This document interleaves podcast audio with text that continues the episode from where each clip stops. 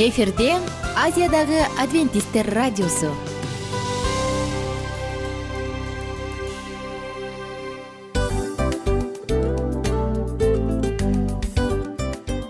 Достор салют. Баардык сүйүктүү угармандарыбызга салам айтабыз. Кутман күнүңүздөр менен. Ден соолук өмүрдүн булагы демекчи саламат саамы программасында баарыңыздарды көргөнүбүзгө абдан кубанычтабыз. Анда алгач амандашып өтөлү арбаңыздар деп. Ден соолугуңуздар кандай элибизде көбүнчө ден соолук кандай дегенде эле жакшы деп жооп беребиз э? ооруп турсак дагы жакшы дейбиз. Анан мен муну айтып ойлойт элем бул абдан сонун сөз депчи анткени бул жакшы деген үмүт да э ооба баары жакшы болот баары сонун. Деп үмүттөнүп атып эле өзүбүздү өзүбүз дарылап коебуз.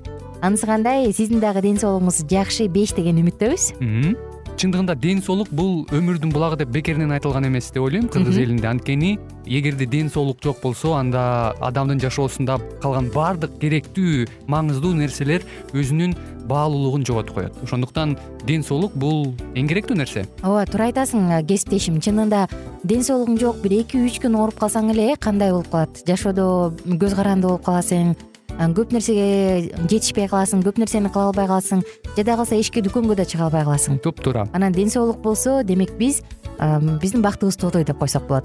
Анда достор саламат саамы рубрикабызды баштайлы. Алдыда өзүңүзгө керектүү болгон сонун кеңештерди уга аласыздар. Мына ошондуктан биз менен бирге болуңуздар. Ал эми биз болсо милан жана айнура. Кеттик алга. Алга саламат саама ден соолуктун жарчысы. Саламат саама ден соолуктун ачкычы. Күн сайын сиз үчүн мыкты кеңештер сонун жаңылыктар кызыктуу фактылар. Биздин рубрикада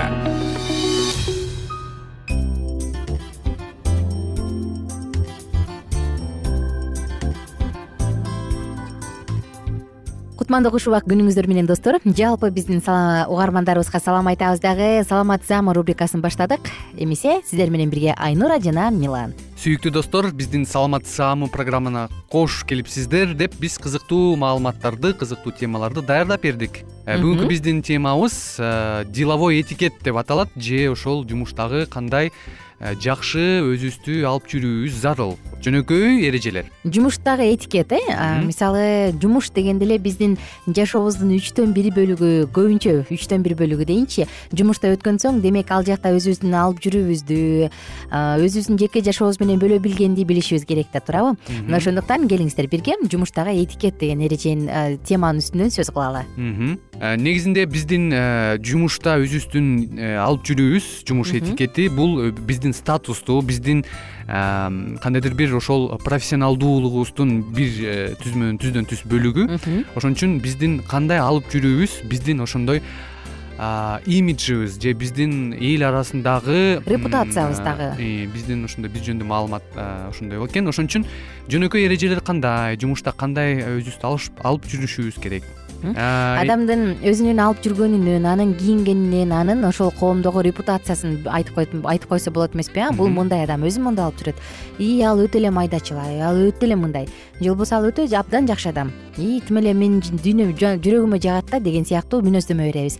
Анда эмесе өзүңүздүн ордуңузда өзүңүздүн тарелкаңызда өзүңүздүн баардык баардык сизге тиешелүү болгон нерселерди алып жүрүш үчүн эрежелер кандай? Биринчи эле кезекте офиске кеңсеге кирип келген соң баардыгы менен учурашыш керек экен. Баягы open spaceте баары менен жалпы саламдашыш керек. Бирок конкреттүү түрдө ой сен кандайсың? деп бирөөнү бирөөнү бөлүп учурашуунун кереги жок экен. Жалпы менен баардыгы менен бирдей учурашыш керек. Андан тышкары бири бирибиз менен жаңы таанышканда атын унутуп калуу же атынан атабоо бул туура эмес экен жана этикетке жатпайт экен. Ошон үчүн этикет менен атын атоо керек экен. Ошон үчүн таанышканда атын эстеп калуу. Бирок бул эң чоң көйгөй чындыгында биздин баардыгыбыз тең таанышканда тез эле жаттап калбайбыз э. Атың ким эле деп кайра кээ сурайбыз кээ э. бирде көчөдөн беш алты жыл тааныш адамды көрүп бирок атын билбейсиң да. Бирок сенде да ушундай кездешеби э менде да ушундай болот да. Анан атын билбейсиң анан сиз мисс и и болуп жүрө беребиз бирок э, эгерде мындай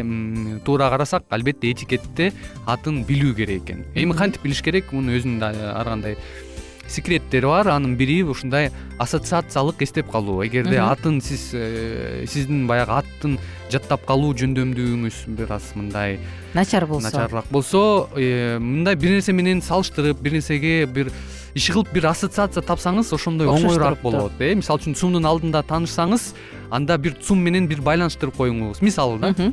Чоң сааттын астынан жолуккан кыздардан болсо. Же мисалы үчүн таанышкан э, кызыңыз э, жамиля болсо анда жамиля жамиля деп а чыңгыз айтматовдун повестин эстеп калыңыз анан ошондо сиз унутпай каласыз. Мынакей кийинки кезекте бөлүшүңүз зарядкабы идеябы дайыма бөлүшө билиңиз дейт.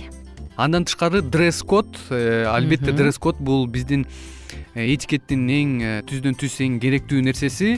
Албетте биз э, дресс коддун өзүнүн э, дресс кодун билишибиз керек экен. Биз өзүбүзгө үнөмдүү өзүбүзгө өзүбүз каалаган кийимдерди каалаган жерден кие албайбыз. Э, ар бир э, жердин өзүнүн э, мындай э, өзүнө таандык кийим кечек бар э? керектүү немеси бар э, керектүү дресс коду бар. Ошон үчүн биз ошого татыктуу кийинишибиз керек. Анан дагы бир айта кетчү нерсе жумушта эмне экен тиги э, ручкасын алып койсом тим эле бултуңдайт деген сыяктуу нерселер болот го анысы кандай? Жумушта баягы уурдап кетти деген сөз колдонулбайт. Көбүнчө жоготуп алдым деп колдонобуз го э? Ошол жоготуп алган нерсени дагы стөлдүн үстүндө жатса башка бирөөнүкү болсо анда албай эле койгон жакшы дейт. Сөзсүз түрдө уруксат сурап анан уруксат бергенден кийин албаса башка бирөөнүкүн алып алган бул адептүүлүккө жатпайт экен. Ошондуктан бирөө жоготуп алабы уурдатып ийеби бирок сиз өзүңүзгө тиешелүү эмес нерсени көрүп турсаңыз албай эле коюңуз дейт. Ооба. Дагы эң керектүү бир кеңеш башка адамдын а, убактын урматтоо. Эгерде биз бирөө менен э, жолугушууга убакыт э, убакытты тандап э, бир нерсе бир жерге жолугушабыз деп айткандан кийин кечигип келүү бул эң туура эмес экен. Эртерээк келиш керек экен. Жана биз чакырган адамдан эртерээк келишибиз керек экен. Эгерде биз чакырсак. Ошон үчүн эгерде биз э, кечигип же башка бирөөнүн башка бир адамдын убактысын анча баалабай калсак анда бул эң чоң күнөө эң чоң ката экен ошон үчүн э, эртерээк келип эртерээк даярданып анан өзүңүздүн тайм менеджментиңизди жакшылап э, жакшылап э, байкаңыз. Жакшы. Жана кесиптештен дресс код жөнүндө айта кетпедимби дресс кодго ушу кийим кечекке дагы байланыштуу бир нерсе айтайынчы. Күнүгө бир кийим кийип келбеш керек экен жумушка бул э, негизи адамдын кийиминен ал өзүнүн жумушун жанындагы кесиптештерди сыйлайбы сыйлабайбы ошону да канчалык бир деңгээлде билип койсо болот дейт. Күнүгө алмаштыра албасаң дагы бирок бир жумада эки жолу жок дегенде кийимиңди алмаштырып кийинишиң керек дейт. Анткени кийим кийип жүргөндө биз каалайбызбы каалабайбызбы биз өткөн жерлер жыттанып калат э, кийим өзүң денең жыттанып калышы мүмкүн э. Ошондуктан сый болот экен. Башка кийимиңди жок дегенде жумасына эки жолу алмаштырып келүү дагы бир э, этикеттердин бири бул катуу сүйлөө. Э, негизи э, бул катуу сүйлөгөн туура эмес экен. Биз кыйкырып сүйлөгөн э? үйдөн гана эркин боло алабыз. Ал эми жумушта көбүнчө баягы уюлдук аппаратка уюлдук телефонго бирөө чалып калганда үйдүн баягы кырылыш урулуш деген нерселерди мындай катуу сүйлөбөстөн өзүнчө чыгып же ананыраак сүйлөшөм же мындай эч ким укпагандай кылып баягы сүйлөшүү керек. Анан коомдук транспортто дагы баягы биздин үй бүлөдөгү эмне болуп атканын бүт суроонун баарын тең элдин баарын талкуулоо бул этикетке жатпайт экен. Туура башка башка жаныңыздагы кесиптештердин жыт сезүүчү рецепторлоруна байлаңыз. Жана духини дейт ароматтарды ашыкча себинбеңиз дейт. Башка кесиптештердин арасынан эле бирөөнү башка кесиптештерге ушактоонун кереги жок экен. Бул нерсе сенин башкаларга болгон сый урматыңды төмөндөтүп коет дейт. Негизи эле ушактоо жаман го негизи эле служебный роман бул маңызсыз жана продуктивсиз окуя дейт. Ошондуктан бирөө менен мамиле түзүп сүйүмүш болбой эле койгон туура жумушта.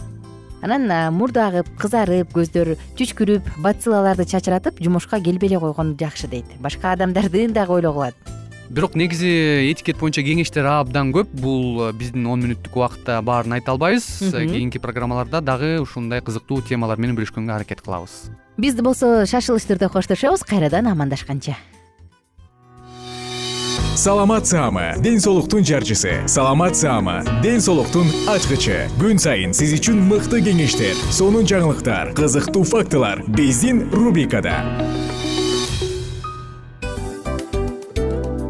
салют замандаштар баарыңыздарга ысык салам. Дил маек программабызга кош келиңиздер. Дил маек рубрикасы дегенде эле бул эмне болгон дил маек ким менен маектешебиз деп сурайт болуш керек угармандарыбыз бул рубриканы кыскача тааныштыра кете турган болсок ар тарап кесип ээлеринен болгон сонун интервью кеңештер бар. Ооба. жылдыздар менен болгон маек бар. Аталарыбыздын агаларыбыздын чоң аталарыбыздан сонун кеңештер бар. Ошондой эле эже сиңдилердин кеңештери бар айтор. Баардык кызыктардын баары алдыда. Негизи эле адам баласы бир кимдир бирөөнө ишенип сырын ачкысы келет эмеспи э мындай баарлашууга жакын келебиз го. Албетте. Негизи бир жерге отуруп алып кенен шашпай баягы жүрөктөн жүрөккө ачып сырларыбызды ар кандай көйгөйлөрүбүз менен бөлүшүп баягы чын жүрөктөн маек курганды кимибиз сүйбөйбүз э? Ооба десең ал нерсеге суусап да келебиз да. Ооба кээ бирде адамга чындыгында баягы э, ысык маек баягы жылуу маек жетишпейт да. Ошондуктан биз ушул рубриканы ойлоп тапканыбызда эң биринчи эле достор сиздер менен чын жүрөктөн бир маңыздуу темаларды козгоп кеткени э, кааладык. Ошондуктан ушундай сонун бир рубриканы тартуулап жатабыз. Анын үстүнө радио дагы сонун дос да анткени э, мындай учурда досуңа айтсаң досуң досуна айтат досу досуна айтат да анан бүт өлкө билип калышы мүмкүн го.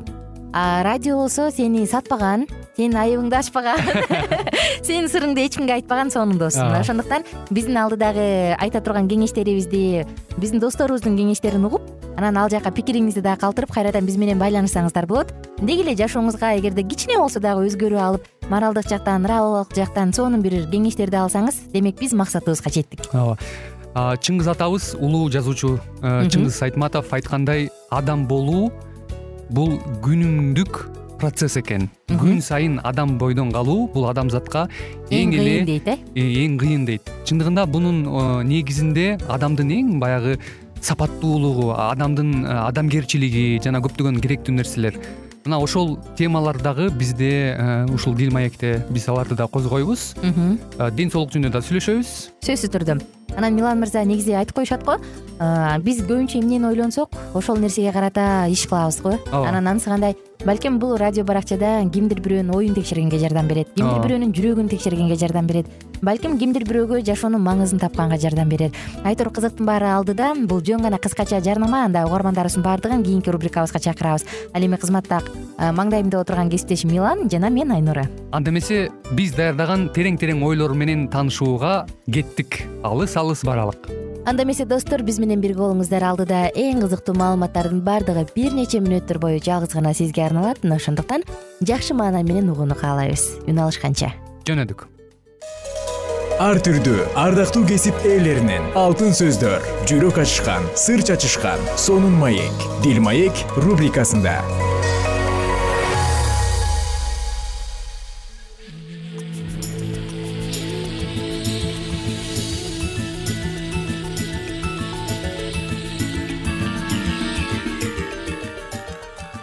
саламатсыздарбы ардактуу радио угуучуларыбыз. Кайрадан эле сиздердин назарыңыздарда бактылуу никенин баалоо эрежелери аттуу берүүбүздү баштамакчыбыз.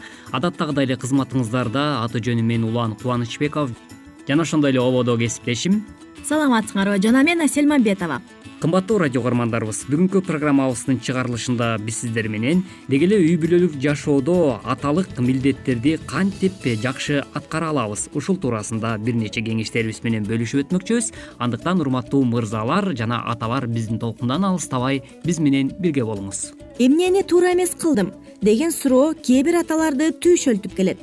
Алар аталык милдеттерин колдорунан келишинче жакшы аткарганга аракет кылышат силерге бир атанын мисалын айта кетели. Анда эмесе дал ушул мисалга кунт коюп кулагыңызды төшөңүз. Ал ата он тогуз жаштагы уулун ойлогон сайын балама жакшы тарбия бере алган жокмун го деп кабатыр болот. Ал эми бул атанын уулу атасына канчалык ыраазы экенин билдирип мындай дейт. Бала кезимде атам китеп окуп берип мени менен ойноп бир жака ээрчитип баратканда дайыма мени менен сүйлөшчү бир нерсени түшүндүргөндө аябай кызыктуу кылып айтып берчү. Ырас аталык милдетти жакшы аткаруу оңой эмес. Бирок буга жардам берген кеңештер бар.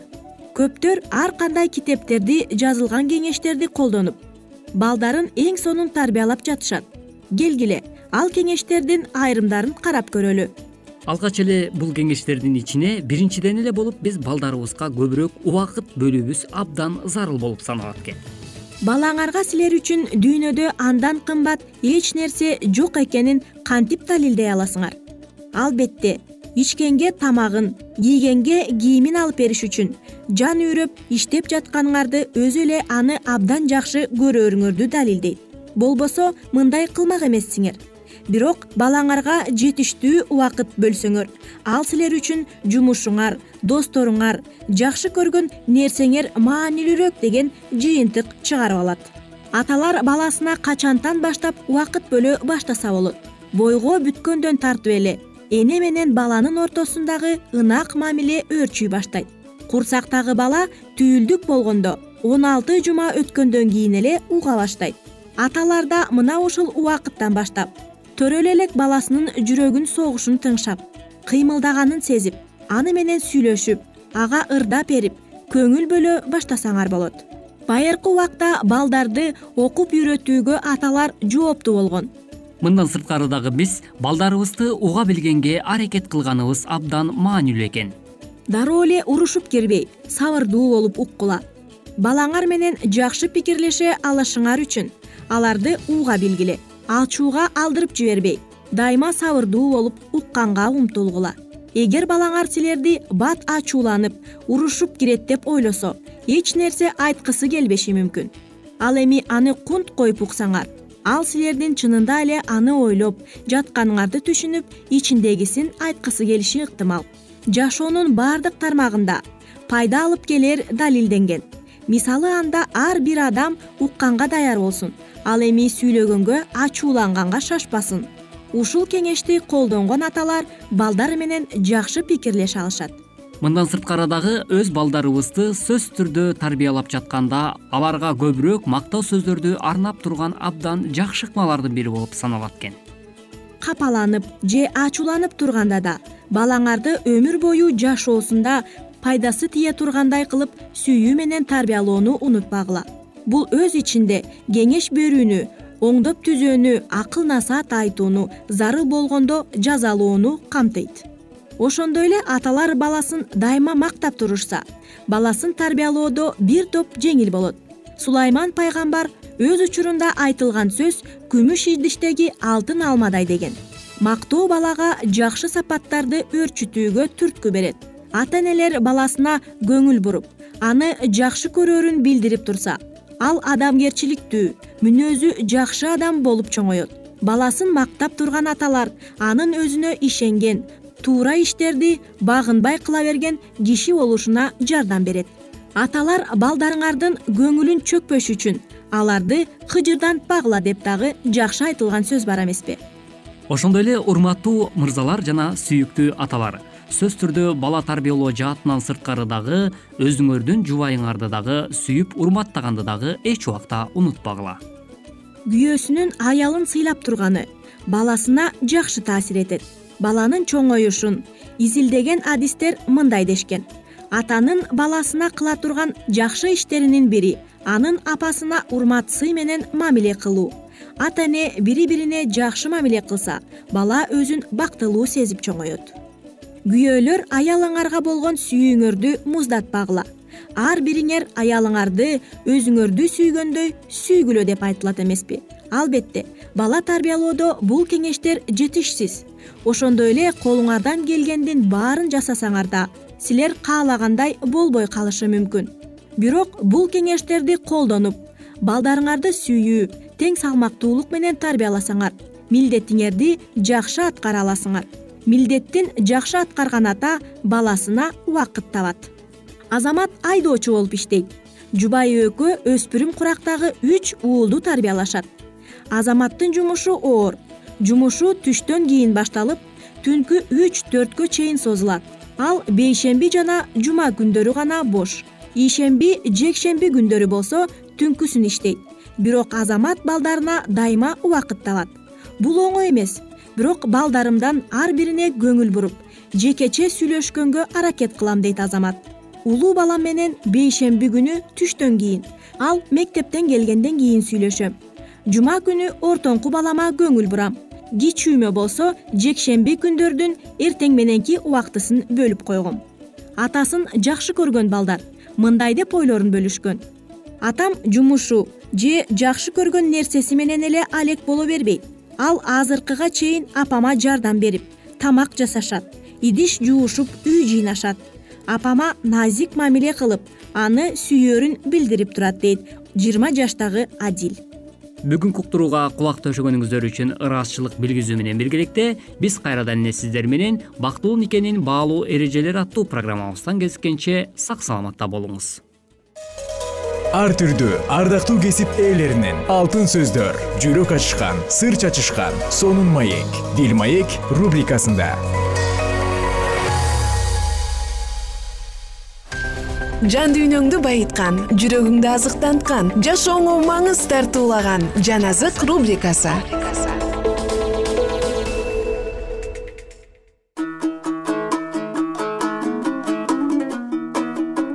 салют достор. Жалпы биздин сүйүктүү угармандарыбызга сагынычтуу ысык салам. Жана кайрадан жыштыктан үн алышканыбызга кубанычтабыз. Жан азык уктуруусуна кош келиңиздер. Достор жан азык рубрикасында сиздер менен куткарылуу тарыхы деп аталган китепти андан ары бирге улантабыз. Алардын күрөштөрү аяктаган. Жеңишке жетишишкен. Алар тикенектүү жол менен өтүшүп сыйлыкка ээ болушту.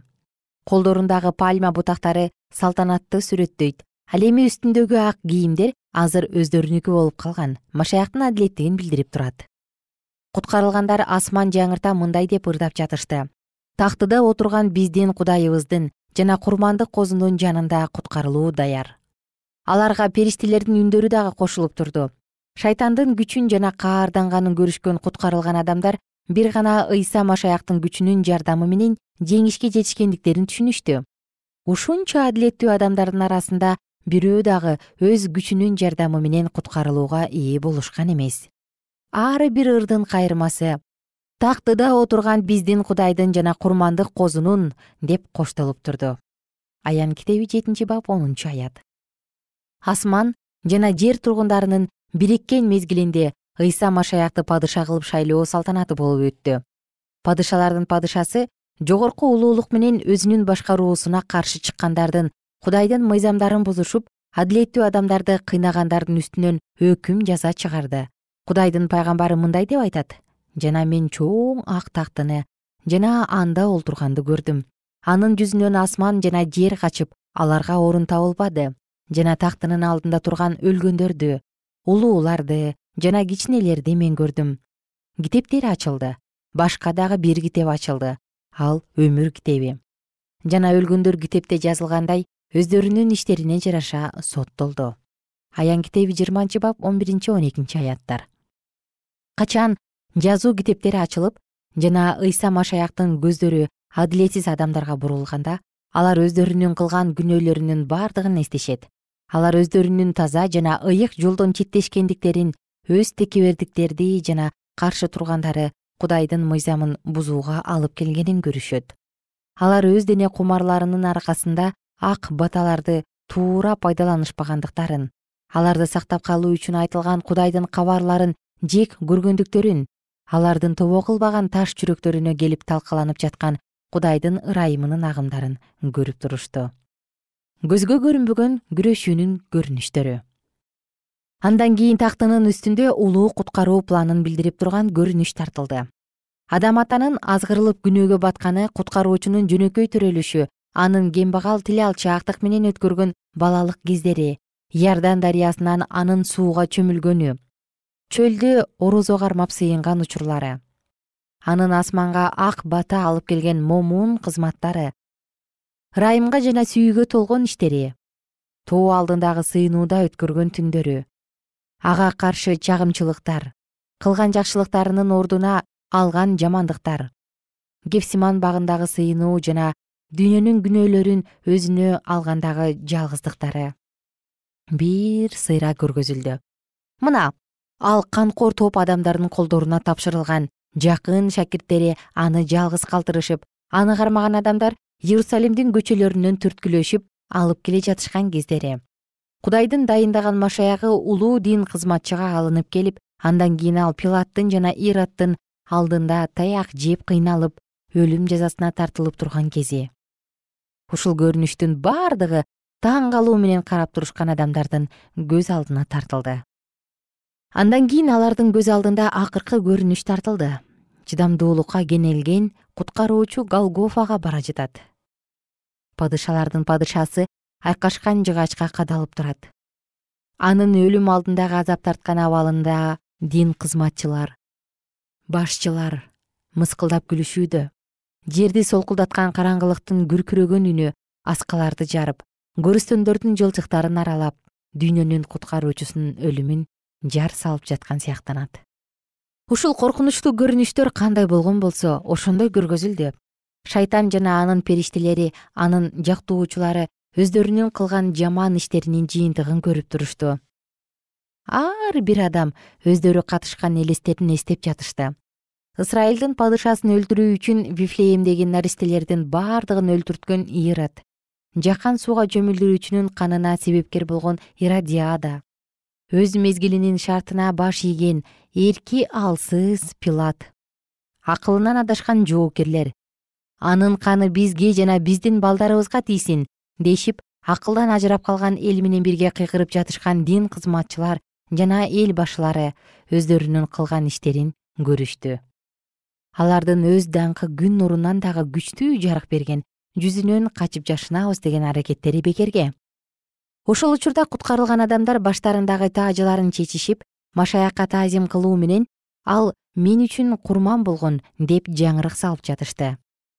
Куткарылган адамдардын арасында машаяктын элчилери дагы бар. Ишенимде өз эркиндигин көргөзгөн пабыл каны суюк петир анын сүйүктүү шакирти жакан алардын тилектеш бир туугандары жана машаяктын ысымы үчүн запкы жеген көп сандаган адамдар. Ал эми шаардын тышында аларды куугунтуктап зынданга салгандар аларды кайгы тарттырып кордоп өлтүргөндөр. Сырттагы адамдар эми шаардагы өздөрү куугунтуктап өлтүргөн адилеттүү адамдардын кубанычтарына күбө болуп турушат бул кезде бул жерде өздөрүн машаяктын жердеги өкүлүбүз деп эсептешкен машаяктын жолдоочуларын зынданга салышып тирүүлөй өрттөшүп жок кылууну каалашкан папанын дин кызматчылары кудайдын мыйзамын өзгөртүүгө батынышкан өздөрүн кудайдан жогору коюшкан папалар өздөрүн жыйындардын аталарыбыз деп эсептешкен азыр өлүмдөн кутулуу үчүн жан талашып жатышкан адамдар. Алардын кейигендери өтө кеч. Кудуреттүү кудай өз мыйзамдары үчүн кызганчаак ал ар бир кылынган жаман ишти жазасыз калтырбайт. Алар эми машаяктын азап тарткан адамдар менен бирге экендигин көрүштү жана анын айткан сөздөрүнүн күчүн сезип турушту. Муну силер менин бул бурадарларымдын эң кичинелеринин бирөөнө кылганыңар менен аны мага кылганыңар. Матай жыйырма беш кырк. Достор сиздер менен коштошобуз жана кийинки уктуруудан кайрадан үн алышканча